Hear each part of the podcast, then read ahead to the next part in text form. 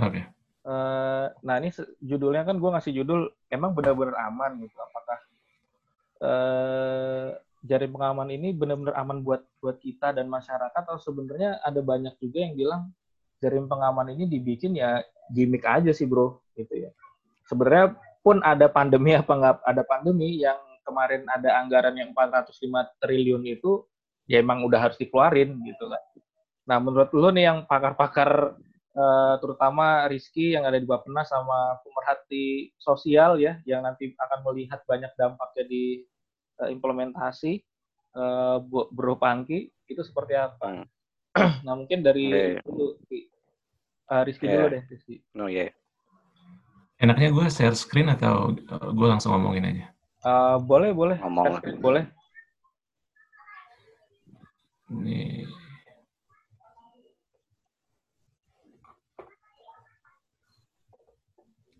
Lihat nggak? Kelihatan? Gue coba siapin nih materinya. Oke. Okay. Uh, eh, makasih, Dam. Okay. Ini kan ke record juga, jadi nanti siapa pun yang bisa dengar, bisa ini, bisa inilah. Hmm. Bismillahirrahmanirrahim. Semoga bermanfaat ya, apa namanya, diskusinya. Gue uh, tertarik sama cara lo ngeliat, perspektifnya ngeliat dengan mempertanyakan sebenarnya aman apa enggak. Terus kalau gue baca di uh, narasinya itu kan pengen lihat sebenarnya uh, barang ini barang baru atau cuman uh, bungkusnya dong yang baru yeah. gara-gara pandemi. Nah, gue lihat dari dua sisi. Yang pertama siapa sih targetnya, siapa urgensinya. Jadi akan banyak angka-angka. Yang kedua gue mau lihat siapa sebenarnya orang yang paling penting untuk kita benerin, mm-hmm. penting untuk kita jaga. Ini kalau lo lihat, kalau kita lihat sama-sama, kemiskinan kita tuh dari 2014 turun terus. Sekarang tuh 9,22 persen, paling rendah. Jadi kalau orang di Jakarta nih, ibaratnya kementerian lah, itu lagi happy-happynya sebenarnya dua tahun ini. Karena kita tuh di bawah 10 persen. Indonesia dibawa ke mana-mana lah tuh beritanya. Kayak ya pencapaian lah. Kayak satu digit, single digit, macam-macam gitu. Nah targetnya sebenarnya sampai 2024 tuh 6 sampai 7. Dengan kondisi yang sekarang pun itu udah nggak mungkin kecapai. Hmm. Dengan kondisi sebelum COVID ya itu nggak mungkin kecapai. Oke, okay. next. Kalau kita lihat, tadi kan penurunannya. Sekarang kita lihat uh, tren penurunannya per tahun. Ini yang gue cerita kemarin ke Lunam. Hmm. Kalau kita lihat dari 2007 sampai 2013, panjang garis ke bawah ini tuh banyaknya turunnya. Artinya segini kemiskinan itu turun. Totalnya minus 1,44. Misalkan dari 16% jadi sekitar 15% jadinya. Kebayangkan? Karena turunnya 1,44% turun sekitar 1,58 persen per tahun. Terus sampai 2014 tiba-tiba kayak gini angkanya. Hmm. Melambat bahkan plus. Artinya bukannya berkurang orang miskin malah naik. Apa kejadian di 2014? Dana desa. Nah ini yang kemarin gue sempat cerita. Hmm. Bertahun-tahun, 10 tahun kita punya PNPM dengan struktur yang sifatnya itu kolektivitas dan struktur itu di luar dari kepemerintahan, struktur elit, Lalu kita injeksi di sini nih, instrumen politik di 2014. Hmm. Heboh, hegemoninya heboh. Semua orang senang lah dikembalikan ke kitanya ke rakyat macam-macam lah kalimatnya muncul. Hmm. Apa kejadiannya? Melambat. Karena ternyata ini kita nggak bisa lihat negatif semua ya, cuman ternyata melambat. Poinnya intinya adalah dia melambat.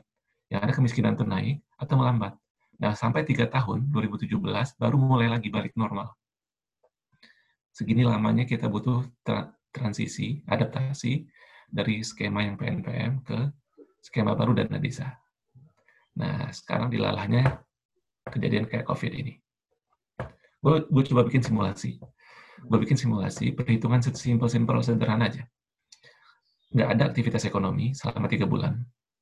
Habis itu orang kehilangan pekerjaan, daya beli masyarakat gua gua gua asumsikan nol untuk 40% paling miskin. Gua asumsiin statistik sederhana nih. Kita punya orang paling miskin itu dalam 8,2 juta.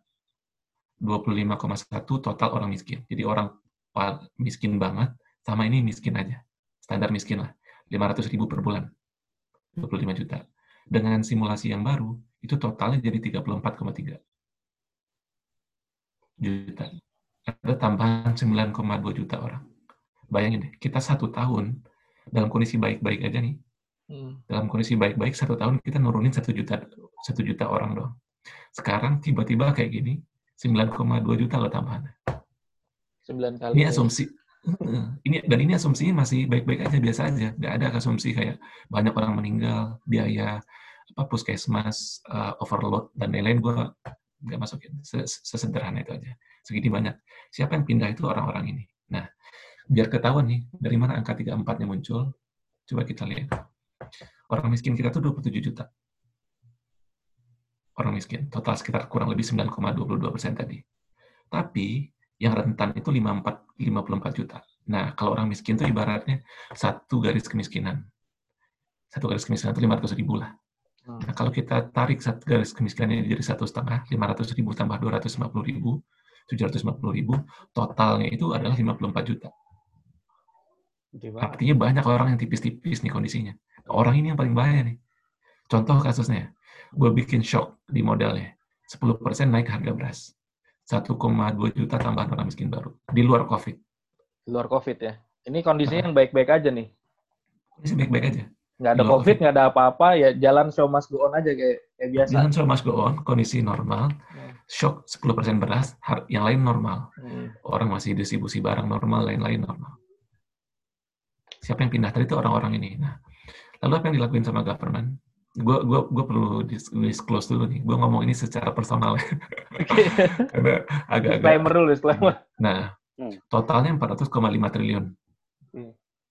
plus ini kartu sembako kartu prakerja dan lain kalau gue hitung-hitung semua data terakhir nih yang lo bisa pegang 17 April 2020 528 Pemda hmm. gue ekstraksi total itu 56 triliun pemindahan alokasinya itu yang Jadi 405 realokasi ya 405 triliun untuk nasional, realokasi di Perpemda, APBD, APBD provinsi, APBD kabupaten kota itu 56,57 triliun. DKI paling besar 8 triliunan. Cukup apa enggak? Nah, cukup apa enggaknya kita lihat. Ini ini ini ini catatan gue ngelihat ini, ngelihat apa namanya? Uh, in general semua negara ngelakuin hal yang sama. Ada 83 negara baru yang mengadopsi uh, apa namanya yang baru ya ini 196 yang yang udah 83 itu yang baru mengadopsi skema perlindungan sosial sosial safety net ini hmm. yang dulu nggak ada sekarang dia karena sekarang ini nggak ada cara lain kecuali ngasih duit langsung ke orang ya artinya nah, orang nggak bisa usaha bantuan kan? langsung tunai gitu atau gimana iya yang paling ideal memang bantuan langsung tunai nanti kita bisa diskusin soal prakerja menurut gue di mana minusnya prakerja ya uh, pendapat personal ya itu karena ada part yang diperibet aja toh orang nungguinnya cuma duit gitu. Okay. Ini uh, ini skemanya paling banyak memang cash kalau kita pilih dari berbagai negara nih. Gua nggak nih panjang lebar ceritanya. Kita masuk ke yang lumayan apa namanya detail di spesifik kita aja. Kalau gua hitung-hitung semua, semua yang uh, anggaran perlindungan sosial itu itu ada di sini. Paling gampang lu lihatnya di sini. Nah, angkanya itu kurang lebih per keluarga adalah sekitar 400 sampai 600 ribu per bulan.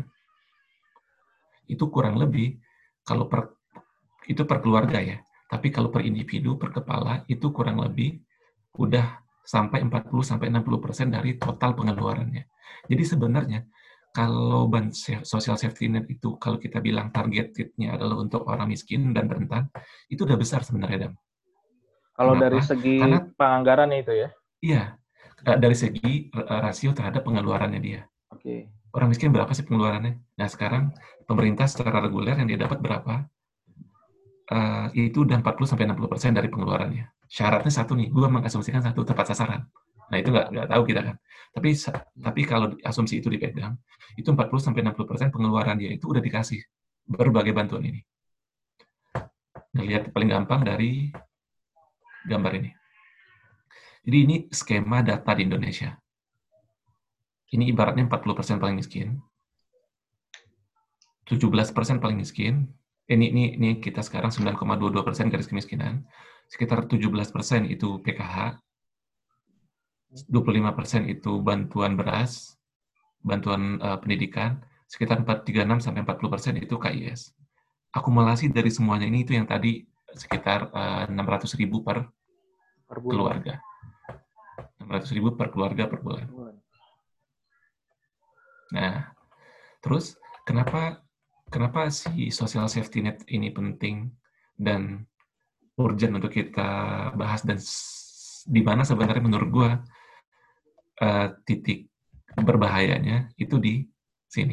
Kalau ngikutin uh, Kompas tiga hari terakhir, tulisannya Ben Olken dari MIT, dia bahas soal kelas menengah. Nah, kenapa kelas menengahnya jadi penting? Orang miskin itu dari dulu juga kondisi udah miskin. Dibantu yang 40 sampai 60 persennya dari bantuan bantuan bantuan tadi. Tapi orang-orang kelas menengah nggak pernah dapat bantuan. Nah sekarang dia nggak bisa kerja, dia nggak bisa kerja, dia nggak punya penghasilan, dia punya hutang, dan dia punya beban-beban lain nih, KPR macam-macam macam-macam. Orang ini yang ada di 52 juta tadi, yang gampang untuk jatuh ke miskin. Simulasi paling gampang, DKI Jakarta 2014 kemiskinannya sekitar cuma 5-6 persen. Hmm. Tapi kalau lu lihat angka 2014, orang miskin baru di, jadi ini, setengahnya tuh di DKI 2014 menjadi tidak miskin. Di 2015.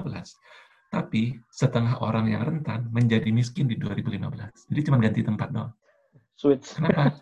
nah, karena orang miskinnya dapat bantuan banyak kan di DKI. Ah. Keluar nih dia. Tapi orang yang rentannya nggak, nggak masuk target, akhirnya pindah dia, posisi. Akhirnya pindah posisi. Jadi kalau kita lihat 9 dari 20 nih secara rasio populasi Indonesia itu kelas menengah. Hmm. 9 dari 20. Ini miskin, rentan.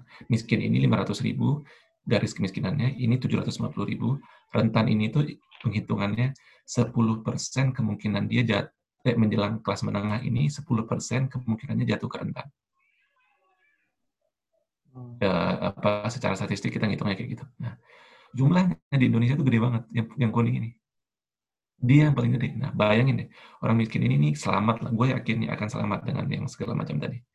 Hmm. Yang ke capture, yang ke capture itu yang banyak adalah kasus kasuistik satu-satu. Cuman kalau ini sampai jatuh, kalau ini sampai jadi orange, nah jadi kita nggak usah kaget nanti misalkan dua tahun depan data survei sosial nasional miskinan kita tuh tembus 13 sampai 15 persen. Hmm. Kalau yang kuning ini jadi orange. Simulasi pendek-pendek, kecil-kecilan nih. Ini data IFLS namanya. Data yang ngukur, yang diukur tuh orangnya 93 sampai 2020 orang yang sama yang dihitung. Jadi bukan kayak BPS biasa. Jadi orang yang sama diikuti. Kode NIK yang sama yang diikuti. Hmm. Nah, Jadi kayak di, di tracking gitu ya bro ya? Di, di, di tracking orangnya. Coba kita lihat orang yang kelas menengah ini uh, untuk orang yang menjelang kelas menengah atau aspiring middle middle class itu susah banget untuk pindah ke kelas menengah. Gimana Cuma gue? satu ini orang ini miskin ya, M. Hmm. R itu rentan, rentan, MKM itu menjelang kelas menengah, hmm. KM itu kelas menengah. Kelas menengah. Nah, coba lihat angka KM ini yang 26 persen. Hmm. Jadi orang kelas menengah bacanya dari sini. Orang menjelang kelas menengah pindah ke kelas menengah cuma satu dari empat dalam 10 tahun. Oh sorry, dalam satu tahun. Cuma satu dari empat. Sedikit banget. Mm -mm. Ini juga tahun 93, kalau gue bandingin, itu sama. 25 persen, seperempat doang. Jadi cuma seperempat dia yang ini. Nah, itu kan kemungkinan dia pindah ke atas. Kita lihat ke bawah, di bawah. Kemungkinan dia untuk turun ke bawah. Ini satu dari dua, setengahnya itu punya kemungkinan yang sangat besar jatuh jadi rentan. Jatuh jadi apa namanya menjelang rentan orang kelas menengah ini. 44 persen, 40 persen. Ini kondisinya nggak ada COVID sama sekali. Hmm. Jadi fokus gue sih nge, nge, nge, nge, nge, kenapa gue mau bawain yang ini karena menurut gue yang jauh kita lebih khawatirin itu orang-orang ini. Orang yang kayak baru mulai bisnis sepatu, baru bisnis online, baru mulai jualan-jualan apa gitu. Hmm. Yang sekarang tiba-tiba mau nggak mau hilang dan dia nggak bukan target dari government. Hmm. Bayangin kalau dulu kalau kalau data kita lihat data yang tadi ya, kalau data tadi, ini kan nggak ada kartu prakerja nih. Nah kartu prakerja itu sebenarnya simpelnya dia tuh mau masuk ke dalam target 40% paling miskin, tapi dia mau benerin orang-orang yang exclusion error, orang-orang yang di luar dari data, tapi masih rentan. Itu yang Makanya penambahan itu yang iya, menjadi tambahan 25% itu ya? Uh, di luar dari 40%. Jadi sebenarnya gini, di luar dari 40% ini kan data by BPS start 2015 nih, bersih, hmm. bersih-bersihnya 1,3 triliun. Semahal itu kita punya data ini. Nah, per, per tahunnya diupdate sama pemerintah daerah. Nah, cuman masih banyak nih orang yang di luar ini. Orang yang sebenarnya mungkin miskin, rentan, tapi di luar data posisinya. Kartu prakerja itu mau beresin itu. Kalau yang gue tangkap ya. Cuman yang gue agak-agak sayangkan adalah kenapa sih harus pakai instrumen pelatihan online gitu loh. Nggak ada orang yang mau belajar sekarang. Apalagi pelatihannya di luar dari pelatihannya itu masak risol, bikin YouTube ya. ya. Cuman aplikatif ya. Maksudnya udahlah kasih aja duitnya. Kalau emang ada aku kasih itu 3 juta, kasih in cash aja ke mereka. Di luar jadi kalau dia terdata, NIK-nya masuk di area ini, tapi dia tidak masuk dalam data 40% paling miskin, kasih aja duit dulu tiga bulan ini. Menurut gue udah orang fresh aja pegang duit. Kita nyelamatin orang-orang ini, orang-orang yang kuning. Rentan.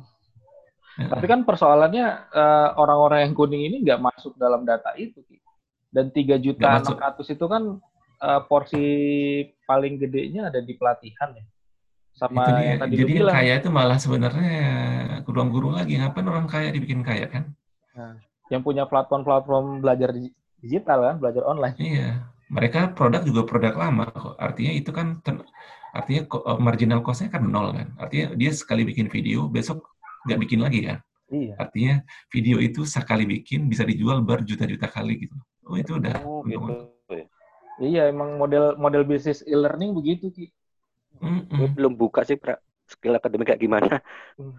Sebenarnya udah banyak sih ya. Kalau skill akademik kan istilahnya dia hanya benchmarking ya. Kalau kita lihat platform-platform lain kayak misalkan di LinkedIn itu ada Linda kayak gitu kan yang iya, iya. mula-mula yeah, mengawali ya istilahnya skill akademi itu ya modelnya gitu juga kan video yeah. tech, tech shoot video 10 menit itu dijual regularly yeah. only atau yearly kan ya itu tiap tahun apa duit sama aja oke okay, lanjut Ki. nah ini sedikit lagi kok tinggal tinggal satu lagi dan kenapa kelas menengah itu yang menurut gue penting totalnya kelas menengah itu di Indonesia, statistically ya, itu 22 persen dari total penduduk. Tapi total konsumsinya 47 persen.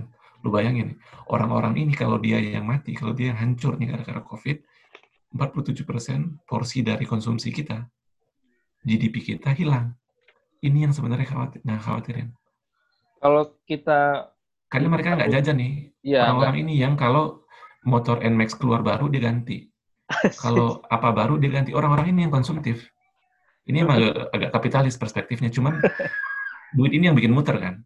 Nah yeah. orang-orang ini nggak belanja sekarang. Orang-orang ini nahan duit sekarang. Atau ya buat bayar cicilan aja susah, apalagi mau belanja yang baru kan. Nah bayangin deh, kita kehilangan 22 persen, 47 persen ini susah buat balikinnya. Yang kedua, dia itu yang pencipta lapangan kerja. Dia yang bikin kios-kios kecil, orang kerja enam orang. Bikin usaha apa yang kerja 20 orang. Kebanyakan sekarang laundry, apa-apa, segala macam. Itu yang mempekerjakan orang kelompok di bawahnya gitu loh. Emang emang di bawah UMR sih. Cuman kan orang-orang miskin itu kerja sama dia itu ngidup gitu loh. Nah sekarang ya. itu yang tutup. Nah implikasinya uh, efek dominonya sampai ke bawah. Itu sih kurang lebih dah. Kalau gua kalau gua coba dalam angka ya uh, perspektifnya. Jadi kayak uh,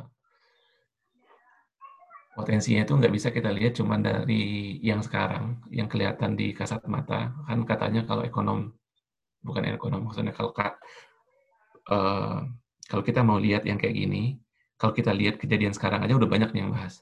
Tapi hmm. kalau mau lihat sebenarnya pasca ini akan kayak apa, kalau bayangan gue, yang paling banyak itu adalah soal kredit macet.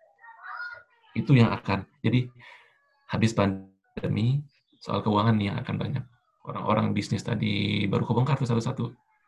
NPL bank juga kesulitan dan macam-macam. Tapi kan itu udah dibumperin ki. Eh, sama Perpru satu kan nih. Walaupun memang Perpu itu masih apa sifatnya masih bisa diperdebatkan gitu karena memang belum disetujui sama belum DPR juga kan nah, tapi paling nggak potensial untuk digagalkan kalau menurut gue secara politik itu juga agak sulit ya. Karena saat ini kan istilahnya semua instrumen atau institusi politik gitu ya hari ini ya mendukung semua kebijakan pemerintah gitu. Yeah. jadi kalau udah ngetop ini ya, ya bakal ya mungkin ya mungkin ya bisa jadi ya akan susah gitu untuk di apa dinafikan gitu kan. Nah, iya karena karena karena gini, instrumen yang kayak gitu sifatnya bisa membantu sih. Dia nggak buffer nih sekarang. Orang nggak buffer. Jadi sifatnya tidak menghilangkan tapi menunda nih.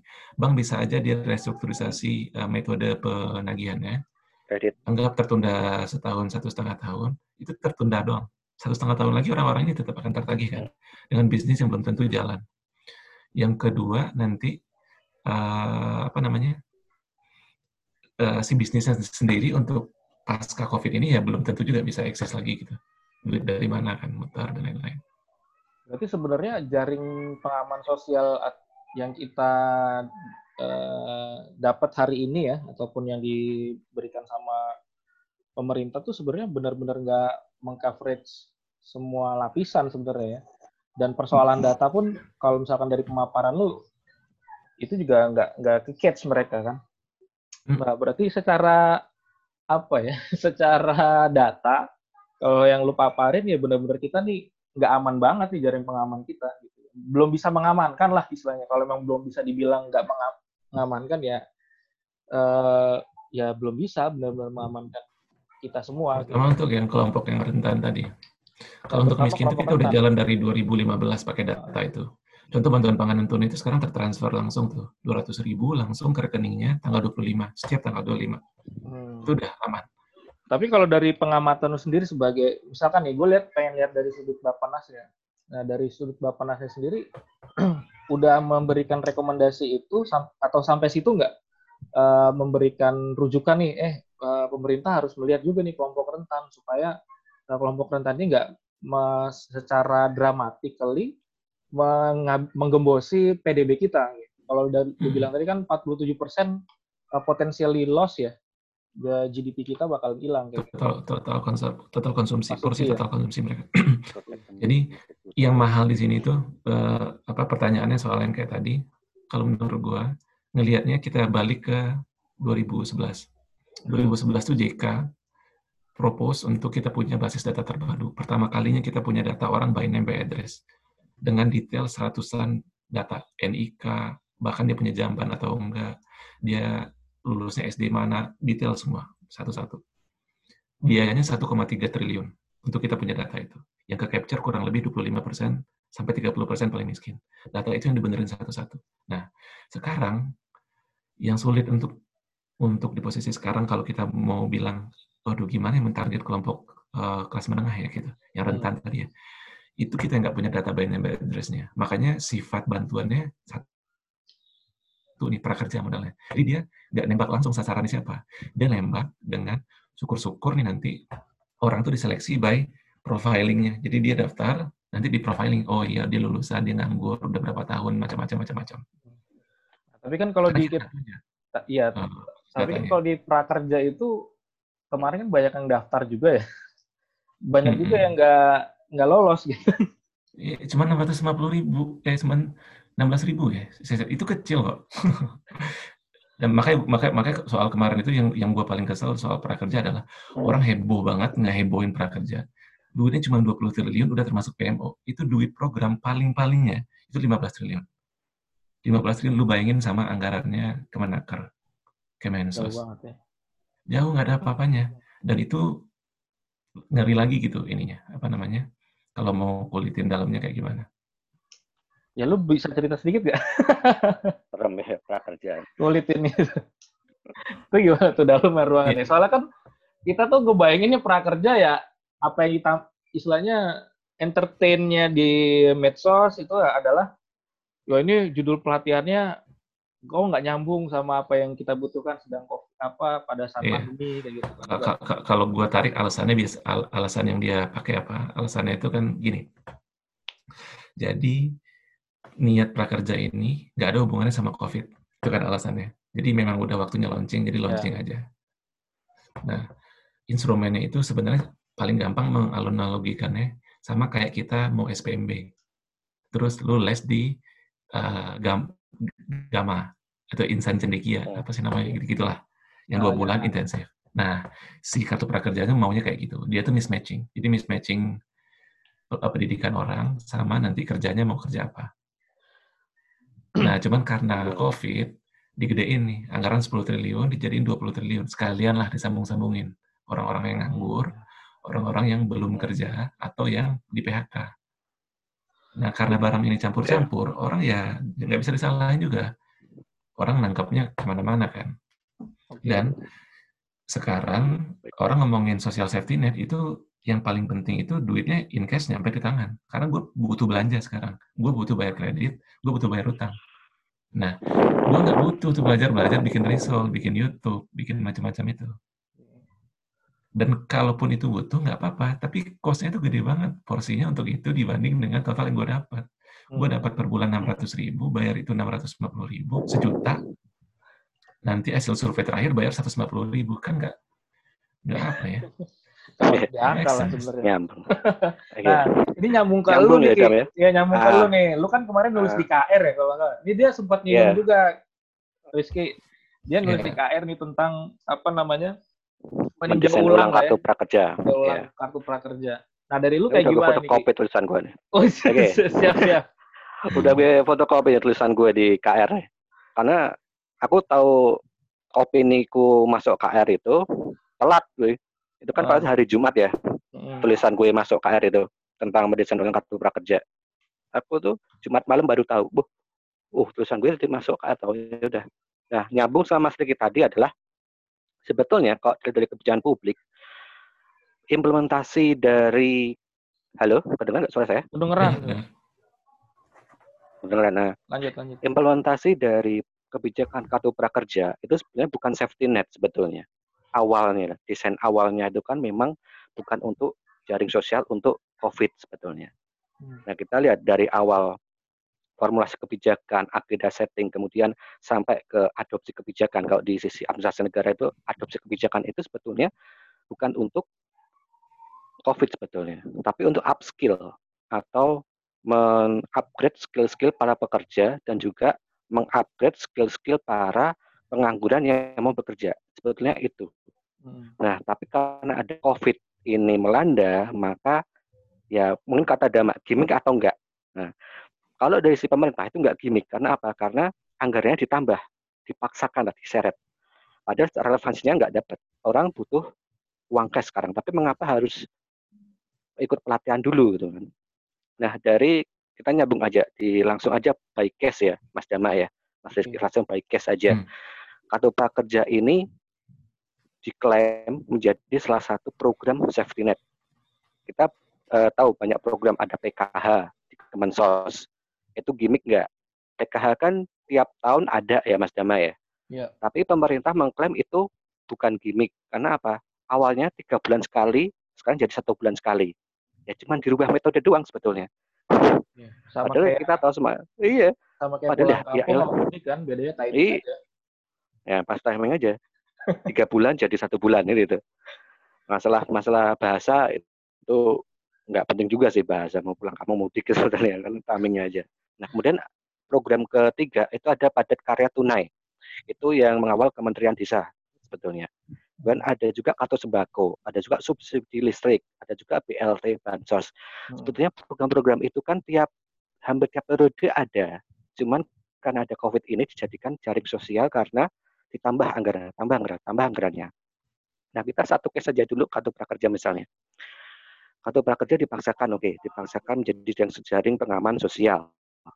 Yang pertama, yang perlu kalau di kebijakan publik kan kalau evaluasi satu kebijakan itu ada tiga jalan. Yang pertama, apakah harus dilanjutkan? Kedua, kebijakan itu harus di stop atau dihentikan. Atau yang ketiga, kebijakan itu harus direvisi. Nah, kalau dari segi kebijakan publik, dari saya belajar di S1 dulu, ini kebijakan kartu prakerja, program kartu prakerja ini itu harus direvisi. Yang pertama, dari Halo? Halo, ya. Kedengaran ya. suara saya? Ya. Lanjut, lanjut. Yang pertama yang harus diberisi adalah besaran, besaran, besaran insentif yang diberikan itu harusnya lebih besar dengan subsidi pelatihan yang harus berikan gitu loh. Enggak harusnya lebih dari 600 ribu. Dan pelatihan itu jangan satu, juta.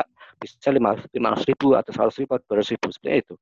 Karena apa? Karena kondisi sekarang masyarakat sekarang baik tingkat menengah bawah atau atas itu lebih butuh uang tunai daripada pelatihan kerja. Seperti itu. Hmm. awalnya itu kan kartu prakerja dijadikan up skill ya untuk upgrade skill para calon pekerja. Tapi dipaksakan jadi ya ada gini dipasang jadi kamu harus wajib ikut pelatihan dulu gitu. nah kemudian kuotanya itu juga harus ditambah dan satu gelombang berapa ratus ribu tadi? Hanya 16 ribu atau berapa itu? Nah sedangkan hmm. yang daftar ada jutaan. Dari gelombang satu sampai gelombang 10 atau gelombang 20 itu dia mau ngapain gitu. Dia harus jadi pengangguran bro. lagi. Nah nah itu makanya kan gitu kuota tiap satu gelombang itu diperbarui lah. Dan pelatihannya juga jangan sampai pelatihan yang cuman eh, sekali selesai udah langsung klik klik klik karena aku yakin 90% orang yang daftar kartu prakerja itu eh, mindsetnya itu uang tunai cash bantuan bukan pelatihan kan gitu. Iya benar. Nah, itu uh, iya kan? Nah, itu. Jadi kuota ya ditambah diperbarui sesuai dengan data realnya kemudian yang kedua itu tentang pelatihan. Nah, kalau menurut saya adalah pelatihan ini nggak aplikasi Microsoft Word, pelatihan apa-apa itu juga semua bisa di YouTube. Nah, dan saya adalah pelatihannya itu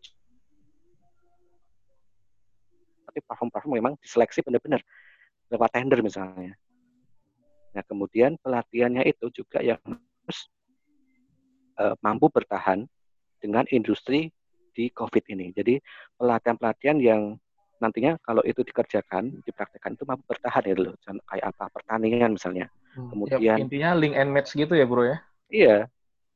Kalau mau Microsoft Word, lah ngapain Pak masa COVID Microsoft Word kan gitu. Hmm. Enggak, enggak, enggak nyambung dengan masa-masa COVID sekarang. Pelatihan para pariwisata. Lah, tempat wisata aja tutup kok, Bro. Ngapain bikin pelatihan wisata kan gitu.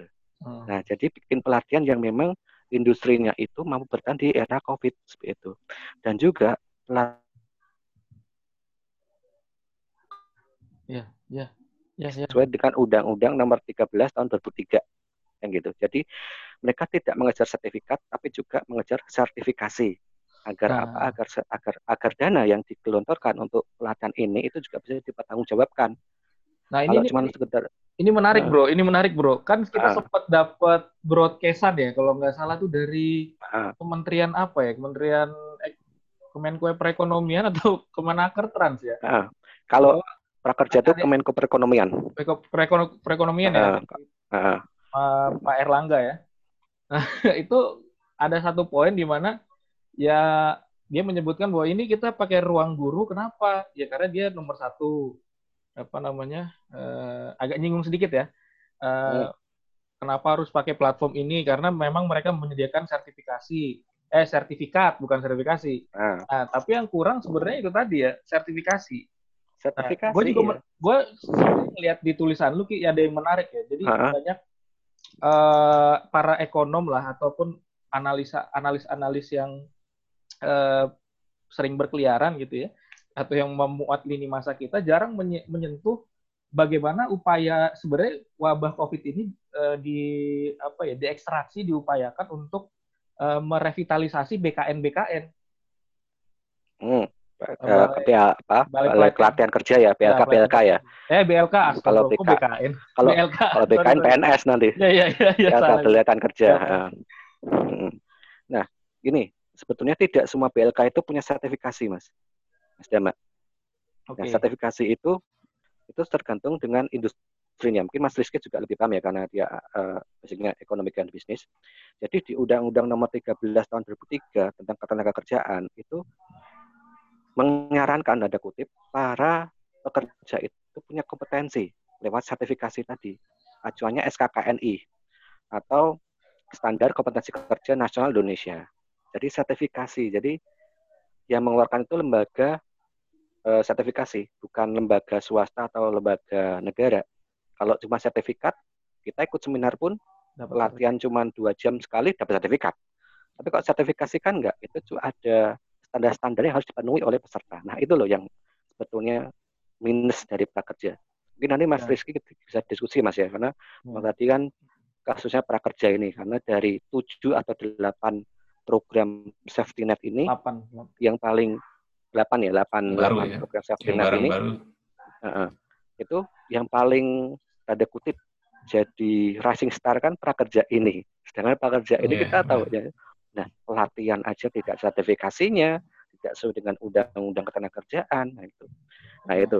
Jadi pelatihannya tapi itu banyak yang dibelain ya? Kalau dibelain ya mungkin karena memang mereka itu marketingnya platform mungkin. Ya masalah kan lembaga negara juga ada yang apa namanya membela itu, Bro. Itu yang jadi nah, itu. soal juga kan. Uh -uh. Nah, gue sebenarnya pengen menyoroti ini juga ketika itu perlu di perlu diulik tuh. Nah, gue hmm. pengen ini juga ki apa namanya kan sebenarnya ketika kita ngomong BLK ya ataupun kita bikin pelatihan hmm pelatihan-pelatihan ya kalau misalkan kita di dunia profesional ataupun di mana pun itu ya kita punya sertifikasi. Kalau di negara kita kan ada BNSP ya, Lembaga Nasional apa ya BNSP itu punya lembaga sertifikasi pendidikan nasional sertifikasi uh, nasional pendidikan. Pendidikan ya. Nah sebenarnya kalau kalau pendidikan ada BNSP, kalau uh, di industri itu ada namanya lembaga sertifikasi profesi atau LSP. Oh ya LSP ya. Namanya LSP ya. kalau di industri umum. Nah, kalau betul. pendidikan memang ada BSNP, jadi ada beda-beda industrinya. Ya betul. Kan di BNSP nah, juga banyak tuh sertifikasi. lagi adalah, ya. Ah, nah yang perlu dikulik adalah uh, pada 2019 sebelum ada COVID ini, itu metode dia memformulasikan kebijakan kok bisa tanpa tender itu gimana gitu kok bisa ruang guru ditunjuk kok bisa pijarku ditunjuk kok bisa buka apa Tokopedia ditunjuk gitu loh ya. nggak lewat tender atau gimana? Ataukah semua boleh masuk tanpa seleksi? Nah itu yang perlu ditarik ke belakang. Ya. Nah, itu mungkin kita diskusikan kan. Betul, itu menarik. Betul betul itu menarik juga sih. Itu juga gua karena, pas karena gua, uh, karena gimana ya? Ini kalau cuma sertifikat kampus gue juga ngeluarin bisa kali jadi cuma sehari keluar ya kan lah, ya jangan kan kampus kan udah santuy gue bikin sertifikat juga bisa buat pesertanya nah, itu kan nah itu kan Nah, makanya yang penting itu dapat duit tuh dapat duit satu setengah juta loh. Iya, alhamdulillah kalau kayak gitu. Bisa langsung sertifikasi gitu ya. Iya. Nah, itu. Jelas ilmunya. Jelas ilmunya. Jadi ya, sesuaikan dengan kemudian aplikatif yang penting kan gitu. Jadi nggak me, hanya menggandeng menggandeng platform-platform, juga menggandeng PLK PLK, menggandeng LSP, betul. profesi. Nah sebenarnya kenapa nggak? Terakhir, uh, ya oke, okay. lanjut terakhir deh. Uh, yang terakhir adalah setelah pelatihan jangan hanya 600 ribu per bulan, tapi juga ada jalan satu padat karya untuk eh, biar mereka ini alumni alumni pelatihan ini juga bisa bekerja itu lat apa? Nah kalau habis pelatihan nggak ada jalan lapangan kerja juga sama aja kan? Betul. Yang satu menciptakan lapangan kerja lewat padat karya misalnya. Paling gampang padat karya lah. Itu partai-partai politik ada 16 partai politik tuh ketok-ketok satu-satu bikin program padat karya gitu. Ya, program padat karya apa kayak dia bikin ya? Nah iya, Jadi jangan lewat dana kepartaian. iya, justru kampanye paling efektif sekarang ini gitu loh merebut hati rakyat sekarang Tapi ini. banyak nah, yang hilang juga ki partai-partai. nah, itu makanya pada saat masa kampanye undang-undang pemilu, masa kampanye memang ini bukan masa kampanye lah, tapi memang ini memang masanya paling tepat betul, Jadi yeah. mancing di hari keruh lah. Dan kemudian yang kedua, selain penyaluran uh, tenaga kerja itu juga ada uh, memudahkan kredit modal usaha. Nah, biar apa? Biar alumni-alumni pelatihan ini juga dia punya modal juga lewat bank BUMN yang gampang gitu loh. Jadi syaratnya jangan ribet-ribet lah. Aku alumni prakerja nih, aku mau modal usaha, tolonglah BUMN nih, BRI, Mandiri atau BNI itu menyalurkan kredit. Nah itulah kalau dari saya menganggapnya salah satu aja program safety net prakerja ini biar dievaluasi aja. Nah, semoga aja Mas Damani punya link ke Kemenko, Pak Erlangga bisa dengar. Jangan jangan skill akademi mulu lah, PLK PLK di daerah ini lah juga lah. Sebenarnya gue ngundang Rizky Raisa itu salah satu buat merumuskan kebijakan itu Ki, karena dia ini kan isunya salah satunya concernnya di safety net. Makanya gue kemarin nanya sebelum gue undang, Ki, lu di Bapenas apa ngurusin safety net gak? Iya, gue itu ngurusan urusan dia, urusan gue gitu. Oh ya udah, cakep nih kata gue. Nah tapi dari dari poin-poin yang tadi tuh menarik semua sih kayak, menurut gua kayak misalkan vendor ya. Vendor kalau misalnya kita lihat, gua kaget juga gitu. Lah, oke, okay, kalau misalkan ruang guru relevan lah dengan skill akademi. Oke, okay, masih ada sangkut pautnya gitu mas gua. Nah, hmm. kalau misalkan ada Tokopedia, buka lapak, lah ini jualan apaan dia? Ngajarin jualan apa gimana gitu kan? Gua agak kaget-kaget sih ketika gue lihat listnya. Loh, ini delapan ada Tokopedia yang buka lapak. Ini apa maksudnya kayak gitu kan? Nah, terus juga apa namanya yang LSP terus juga BNSP ataupun BLK itu kenapa nggak jadi priority buat mereka? Padahal kan itu instrumen negara ya. Nah, kalau misalkan itu. secara top down gitu ya BLK itu kan di bawah Kemenaker Trans sebenarnya nggak sih? Secara alur koordinasi itu ya Ki? Pangki tapi dia kalau bukan BLK itu kalau BLK itu di bawah mana pemerintah daerah sebetulnya. Oh gitu? Di Snaker tapi di di pemerintah daerah oke tapi dia ada ada ini juga nggak kaitannya ke Kemenaker Trans itu Iya, pasti ya, ada pasti dana, kan? khusus. Nah, jadi angga, itu angga, anggaran adopsi. BLK itu di posnya di Kemenaker Trans. Tapi hmm. BLK ini ada yang BLK provinsi, ada yang BLK levelnya kabupaten kota. Hmm. Ada BLK mandiri, ada yang BLK itu ya masih hidup dari donor pusat lah itu istilahnya. Hmm. Biasanya yang hidup, yang berkembang, yang hasilnya ada itu, gue lupa nama daerahnya di, di Jawa Timur, itu yang mandiri, yang memang ketahuan setiap tahun dia produksi lulusan berapa. Cuman gue ada ada ada ada sedikit walaupun agak beda nih perspektifnya soal BLK. Jadi kalau kita lihat perspektif ekonomi itu sebenarnya uh, ada namanya cost uh, apa namanya uh, apa ya istilahnya? Simpelnya gini uh, apakah orang itu sebenarnya butuh sertifikat atau orang itu sebenarnya butuh bisa kerja nah, nah ini Makanya pilihan itu jadi dua. Kalau kita adopsi misalkan yang Jepang punya, dia nggak punya BLK. Yang dia punya itu adalah setiap industri itu punya unit yang semacam BLK. Contoh, yang mengadopsi ini tuh Malang.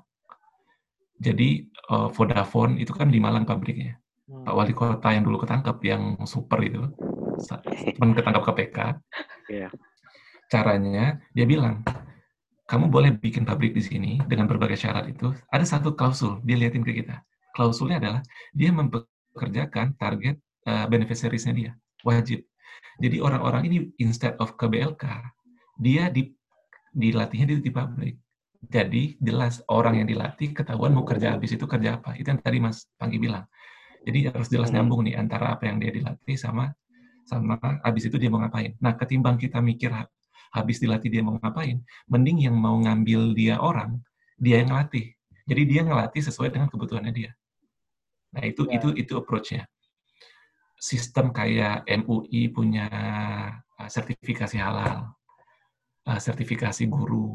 Hmm. Yang gue lakuin riset sendiri itu guru.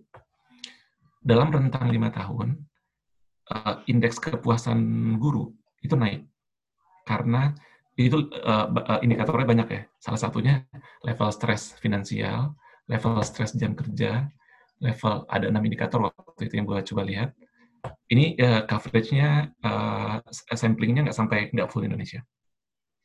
Cuman kalau kita lihat implikasinya ke hasil didik, ke nilai peningkatan nilai siswa, nggak ada. Sedangkan sertifikasi itu ongkosnya luar biasa. Nah, gitu juga sertifikasi pendamping. Pendamping waktu zaman PNPM mau habis 2014-an, kita lakukan sertifikasi. Itu kan pakai sertifikasi itu mereka pendamping semua.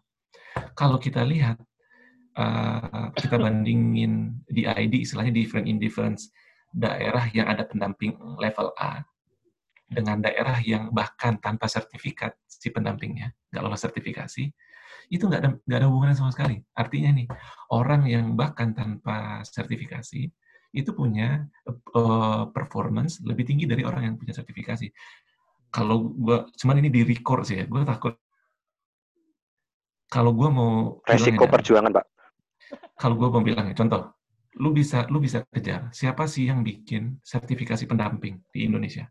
Lu kejar, oh, telusurin telusurin jalurnya. Itu tuh bisnis orang-orang pensiunan. Lu habis eselon 1, umur udah 64 tahun, paling gampang nih, bikin lembaga sertifikasi. Oh, khusus untuk pendamping desa. Karena kan dia Widya Iswara di Kemendes misalkan. Dia udah jadi Widya Iswara, umur 64 tahun di Kemenaker Trans. Bikin nih lembaga sertifikasi. Orang register ke dia, dia nggak ngapa-ngapain, dia dapat duit dari APBN, dia nggak sertifikasi orang, ke, dia jalan ke daerah dia kayak raja karena orang butuh sertifikat atas nama atas dia kan tanda tangan dia tuh berharga banget gitu nah di sana manipulasi ini ya jadi uh, ngelihat ide bahwa sertifikasi itu menstandarkan gue sepakat. Tapi apakah di Indonesia itu applicable? Menurut gue enggak. Kenapa? Kita tuh level koruptif itu tinggi. Lo kalau gue pernah apa namanya yang langsung banget itu di, di Petung Kriono itu di, di, disampaikan di, di sana. Itu antar pendamping, eh, posisi sekarang apalagi ya, kayak kemarin gue cerita dulu kan, posisi sekarang misalkan, uh, eh, PNPM udah nggak ada, sekarang dana desa. Pendamping-pendamping dulu itu sekarang jadi yang ngebantuin administratif keuangan desa, ngebantuin Pak Kades lah bikin laporan keuangan ke Kemendagri intinya, ke Kemendagri sama ke Kemendes. Fungsinya apa? Fungsinya ini tuh tangan kanannya Pak Kades. Pak Kades fungsinya apa? Pak Kades mah fungsinya menjaga suara untuk Pak Bupati. Simpelnya gitu alat politik. Menjaga berbagai instrumen-instrumen tadi itu di capture satu-satu untuk nanti uh, jalur-jalurnya ke jalurnya ke atas.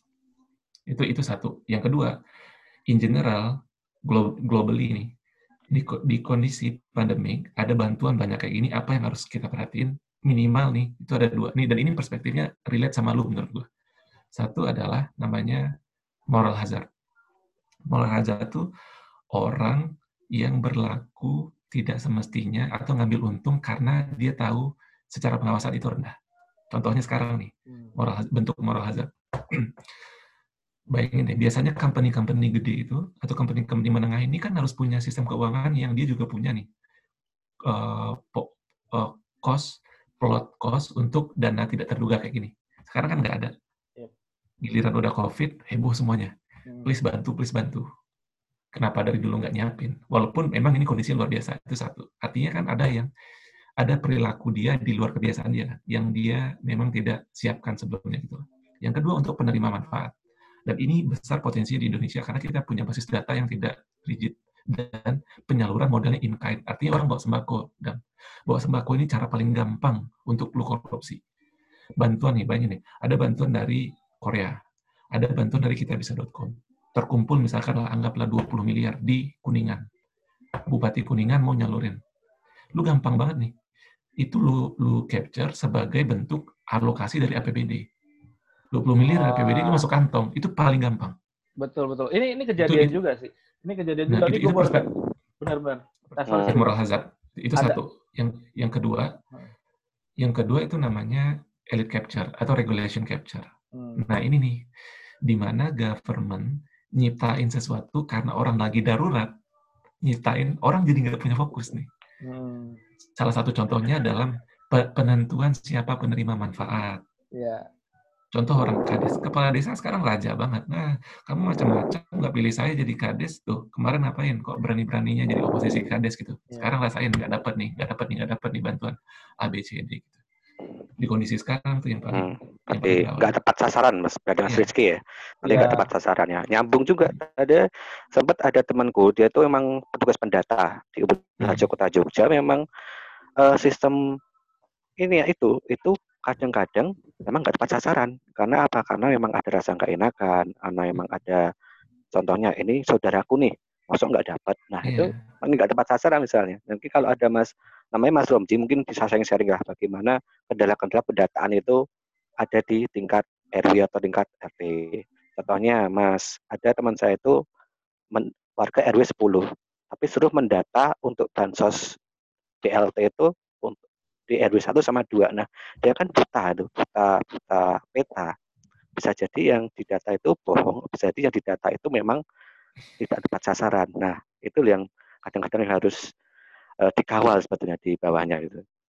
Hmm. Kayak gitu. Yeah. Nah, uh, kalau nyambung juga Mas Riki, uh, kita bertiga ini sepakat bahwa uh, safety net program ini banyak yang gimmick atau banyak yang nggak tepat sasaran.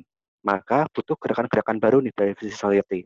Kalau di Jogja itu ada namanya gerakan rakyat bantu rakyat. Nah itu untuk hmm. membackup orang-orang yang memang tanda kutip safety net ini nggak sampai ke sana, padahal dia membutuhkan di hmm. Keparakan kita langsung rela aja di Keparakan Kecamatan Mati Juron itu sistemnya bagus dia ya. uh, kita bisa uh, contohkan di tingkat bawah ya di RW 12 Parakan atau RW mana itu Kecamatan Mantijiran Kota Yogyakarta sistemnya adalah dia bikin satgas COVID itu tidak hanya keamanan aja, nggak sekedar buka tutup kampung aja, tapi dia juga bertugas mendata mana sih warga sini yang memang benar-benar membutuhkan dan belum dapat bantuan sosial atau belum dapat hmm. safety net. Yeah. Nah itu nanti didata, iuran nih tiap kampung kasihkan nanti setelah berapa bulan gitu.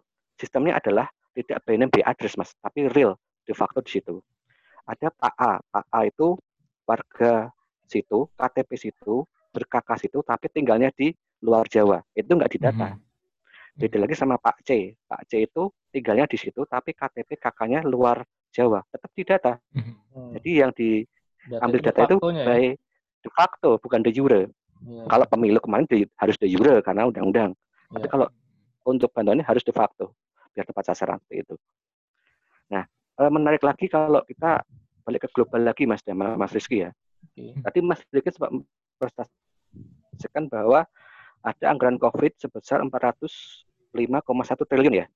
Iya Mas, Mas Rizky ya. Mm -hmm. Nah, nah, itu kan 110 triliunnya itu untuk safety net sebetulnya. Nah, kalau Mas Rizky eh, tadi sekilas baca itu sebenarnya 2,6 persen dari PDB produk domestik bruto di Indonesia. Itu kalah sama Malaysia. Malaysia anggaran untuk COVID-nya itu 17% dari PDB. Singapura itu 20, 12% dari PDB. Thailand 9% dari PDB. Jadi bisa disimpulkan eh, bahwa anggaran kita itu kecil sebetulnya dari PDB. Hanya yeah. 2,6 persen aja seperti itu. Nah gitu Mas Nah kemudian program-program untuk di Malaysia sama Singapura juga sebetulnya hampir mirip bantuan-bantuan juga. Cuman kalau Malaysia itu besarannya lebih tinggi sebetulnya bantuan-bantuan untuk warga terdampak itu. Ya mungkin karena anggaran pendapatannya lebih besar mungkin ya uh, Singapura Malaysia dibanding kita. Uh, dari CNBC saya baca kemarin uh, mereka ada subsidi upah di Malaysia subsidi upah jadi kalau ada warga terdampak itu dapat subsidi tiga bulan upahnya. Kalau untuk Singapura dia ada bantuan tunai sebanyak 800 Singapura dolar selama tiga bulan. Nah, mungkin kita nggak perlu iri karena mungkin kebijakannya, formulasi kebijakannya atau memang anggarannya hmm. memang tidak sebanyak itu kan gitu. Korupsinya mereka juga kecil sebenarnya. Jadi antara mau di gimana ya, mau dibandingkan tapi kok nggak layak, mau kalau nggak dibandingkan kok kesannya kecil. Nah itu ya mungkin iya, teman-teman yeah, yang memang basicnya fakultas ekonomi dan bisnis mungkin harus uh, lebih banyak bersuara sebetulnya mas banyak yang nggak sadar loh kalau kalau safety net ini 2,6 persen doang dari PDB. Singapura sampai iya 12 persen dari PDB loh sebetulnya itu. Nah itu yang mungkin orang-orang tidak apa ya kurang bisa melihat. Tapi ya gimana lagi karena pengelolaannya manajemen pemerintahnya beda kan. Seperti itu. Silakan Mas Kana sebenarnya. Iya ini uh, diskusinya menarik banget ya. Apa namanya masih banyak banget sih pertanyaan-pertanyaan dari gue juga. Terutama data yang real itu Mas Dama. Karena mau PKH, mau BLT, kalau datanya tidak tepat sasaran ya iya Mas. Kasihan ya. juga kan. Ya tadi yang seperti disampaikan sama Mas Rizky kan, uh, sebenarnya banyak juga kelompok-kelompok rentan yang memang gapnya itu sangat lebar, itu justru nggak ke capture sama program yang uh, apa uh, yang ada ini gitu. yang ada sekarang kayak gitu kan. Nah justru mereka yang istilahnya menjadi kalau menurut gua sih jadi jadi beban besar ya. Nahan-nahan duit segala macam. Ya termasuk sebenarnya gua juga gitu kan atau kita juga lah kelompok milenial kita juga ada kelompok yeah. kita sebenarnya kita nih yeah. kelompok milenial yang yang masuk nah, kelompok rentan itu gitu kan nahan belanja iya. mau beli enek nggak beli baju nggak beli baju lebaran beli baju lebaran lah lah dan cicilan mobil gue untung tinggal dikit lagi loh. Beli saham kemarin BRI turun drastis itu kan juga iya. apakah kita kelompok rentan? Tapi kalau dari etika enggak lah, kita masih punya yang lain kan ya mungkin orang-orang yang memang menang ke bawah ini yang terdampak langsung ini yang harus kita perhatikan. Kalau kayak kita kita mungkin kalau masalah masih ada uh, hmm. lain, saya kira dijadikan dulu ya mas ya. Iya betul. Tapi kalau menyangkut tadi yang prakerja tadi ya memang gue sepakat juga sih kalau hmm? ya gue uh, apa ya punya pertanyaan juga. Emang sertifikat itu atau sertifikasi itu punya signifikan signifikansinya seperti apa gitu kan? Karena kalau misalkan gua pernah gabung di LSP, misalkan di LSP telematika, di LSP yang dunia komputer gitu, dunia-dunia programming gitu, itu justru uh, para perusahaan itu agak ngeri, ngeri-ngeri sedap kalau misalkan mereka punya sertifikat ya dari LSPK atau dari bahkan kayak branded brand brand-brand tertentu ya misalkan Microsoft atau apa gitu. Nah sebenarnya kalau yang paling tepat tuh kayak gimana sih rekomendasinya kalau misalkan tadi diinduksi istilahnya diinduksi sama perusahaan gitu ya dan itu gue juga beberapa kali pernah induksi juga jadi mahasiswa gue nih di STT uh, siapa uh, suatu perusahaan digital, Mas saya butuh training nih tapi trainingnya Mas aja yang ngelakuin ya gitu ya. Terus nanti saya seleksi dari di grading sama dia tuh, di, istilahnya di diuji lah. Nanti kalau udah udah selesai trainingnya, training misalkan training pemrograman atau training, training tentang server gitu ya, nanti di akhir di tes nih, saya ambil tiga ya, yang terbaik, tapi syaratnya gini-gini. Dan itu emang itu sebenarnya sudah secara natural perusahaan-perusahaan itu sering melakukan itu gitu menginduksi istilahnya induksi uh, calon pekerjanya tapi quality controlnya mereka yang jaga gitu. Tapi yang uh, mentraining tuh bukan si perusahaan itu sendiri ada pihak ketiga lah. Kayak misalkan gua nih pihak ketiga ngajarin. Kayak gitu. Nah semacam meng-hire gitu kan teman iya betul meng-hire. Meng orang ya? Meng-hire orang konsultan atau apa kayak gitu. Nah hmm. sebenarnya uh, ada ide lain nggak dari semua itu yang bisa dilakukan dalam waktu dekat ini? Karena kan uh, sebenarnya uh, mitigasi dari COVID ini kita juga harus lakukan secara cepat. Gitu. Karena kalau misalkan kemarin ada yang bilang nih, kalau salah Bima ya, Bima waktu di diskusi di sana bilang, Bim, emang kita buat tanya gini, berapa lama sih kita waktunya untuk recovery uh, ekonomi kita kayak gitu? Uh, pasca COVID ini atau pasca outbreak ini? Wah, itu butuh lama, Dam. 2 sampai 3 tahun. Wah, gila kalau 2 sampai 3 tahun kita keburu meledup nih kata gue kan. Padahal kan kita sedang nyari apa namanya? Uh, exit exit way gini gimana nih jalan keluarnya gimana kayak gitu. Karena kita nggak mungkin nunggu sampai 2 3 3 tahun gitu. nah, nah, itu ya men pentingnya menyelar menyelaraskan antara uh, pelatihan-pelatihannya itu gak, yang nggak penting hapus aja lah karena dia mumpung masih gelombang gelombang-gelombang awal kan, belum gelombang-gelombang pertama ya. Terus gelombang pertama, gelombang ya. kedua. Alangkah baiknya kalau ada orang yang memang punya akses ke pengambil kebijakan, terutama ke Kemenko Perekonomian, mungkin ini harus di terutama untuk prakerja ya. Kalau untuk PKH dan lain sebagainya mungkin bisa dievaluasi di lain bidang. Tapi kalau untuk prakerja ini karena kita fokus ke sekarang safety net prakerja adalah uh, dirombak total dirombak total sesuai dengan sertifikasi yang memang harus sesuai dengan undang-undang dan diselaraskan dengan industri-industri kayak satu kesehatan, pengelolaan pangan, pertanian atau juga eh, di lain lain-lainnya yang benar-benar dianalisa itu memang benar-benar bisa bertahan selama satu dua tahun di area COVID atau pada masa-masa setelah COVID seperti itu. Nah kalau pekerjaannya kayak wisata lah, tempat wisata aja pada tutup semua ya ngapain kan gitu. Nah kemudian itu tadi jadi pemerintah harus menggandeng eh, pihak luar, pihak swasta atau pihak eh, apa namanya partai politik, bikinlah program padat karya, buka lapangan kerja, akses eh, penyaluran tenaga kerja dan juga pengemudahan kredit usaha. Itu karena kan kita kan masuk zamannya NPS ya. Dulu kan ada out public management, new public oh, management iya. dan sekarang new public service di mana pemerintah itu juga bisa menggandeng swasta dan civil society untuk mengambil kebijakan seperti itu. Itu Mas Dama.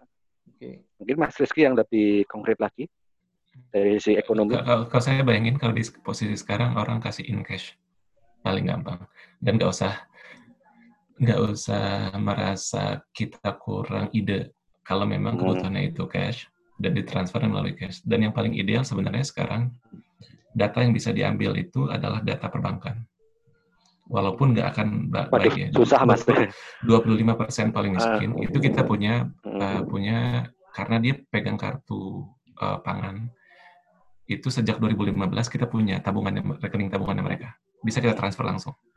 Oke, okay. ya kan? kalau yang udah ter, nah, ter, ter, tanpa terdata sih oke okay, gitu kan? uh, masalah. Yang yang kedua, mekanisme seleksinya itu nggak apa-apa model kayak prakerja itu kan ibaratnya cara kita menjaring data. Jadi kita iming-imingi orang untuk dia mau mendaftar, biar dia masukin NIK-nya, profilnya dia masukin, nanti kan uh, eh, BPS dan lain-lain punya nih data NIK yang sama, kan bisa di matching. Datanya di matching, ketahuan tuh nanti kita bisa profiling yang layak dapat itu orang-orang ini, sedangkan orang-orang ini adalah orang-orang yang tidak mendapat bantuan ABCD tadi. Jadi orang-orang hmm. exclusion error. Kita cuma hmm. buat dapat data aja. Habis itu transfernya cash aja. Udah ketahuan. Jadi tidak perlu pak, tidak perlu pakai pelatihan lagi ya mas ya? Ya usah pakai. Menurut saya di posisi sekarang uh. untuk orang untuk orang untuk orang tabil. Yang kedua mekanismenya, tapi ini tuh nggak nggak apa namanya nggak ramah terhadap halayak. Opsi yang kedua adalah ini opsi yang yang diambil tapi negara biasanya yang yang punya duitnya lumayan gede, punya punya kapasitasnya besar. Itu jangan ke orang, tapi ke company. Contohnya misalkan, contoh nih, ini contoh biar nggak salah kaprah. Misalkan di Jogja ada apa misalkan ya. Contoh misalkan KR lah, KR punya berapa kapasitas sekarang turun jauh misalkan eh, kapasitas dia bisa produksi jualan macam-macam harus PHK berapa orang. Jadi nah, recordnya itu jelas jadi naruh subsidi itu ke ke company di luar tadi kan potongan pajak dan macam-macam kan udah.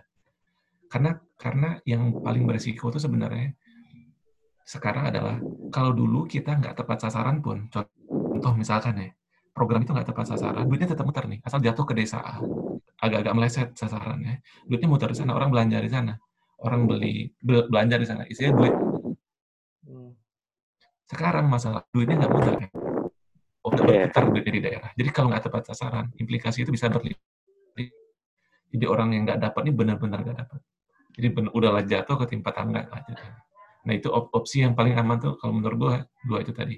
Satu apa pun instrumen mau prakerja mau apa mau fungsi data. Ah, unstable bu. Ya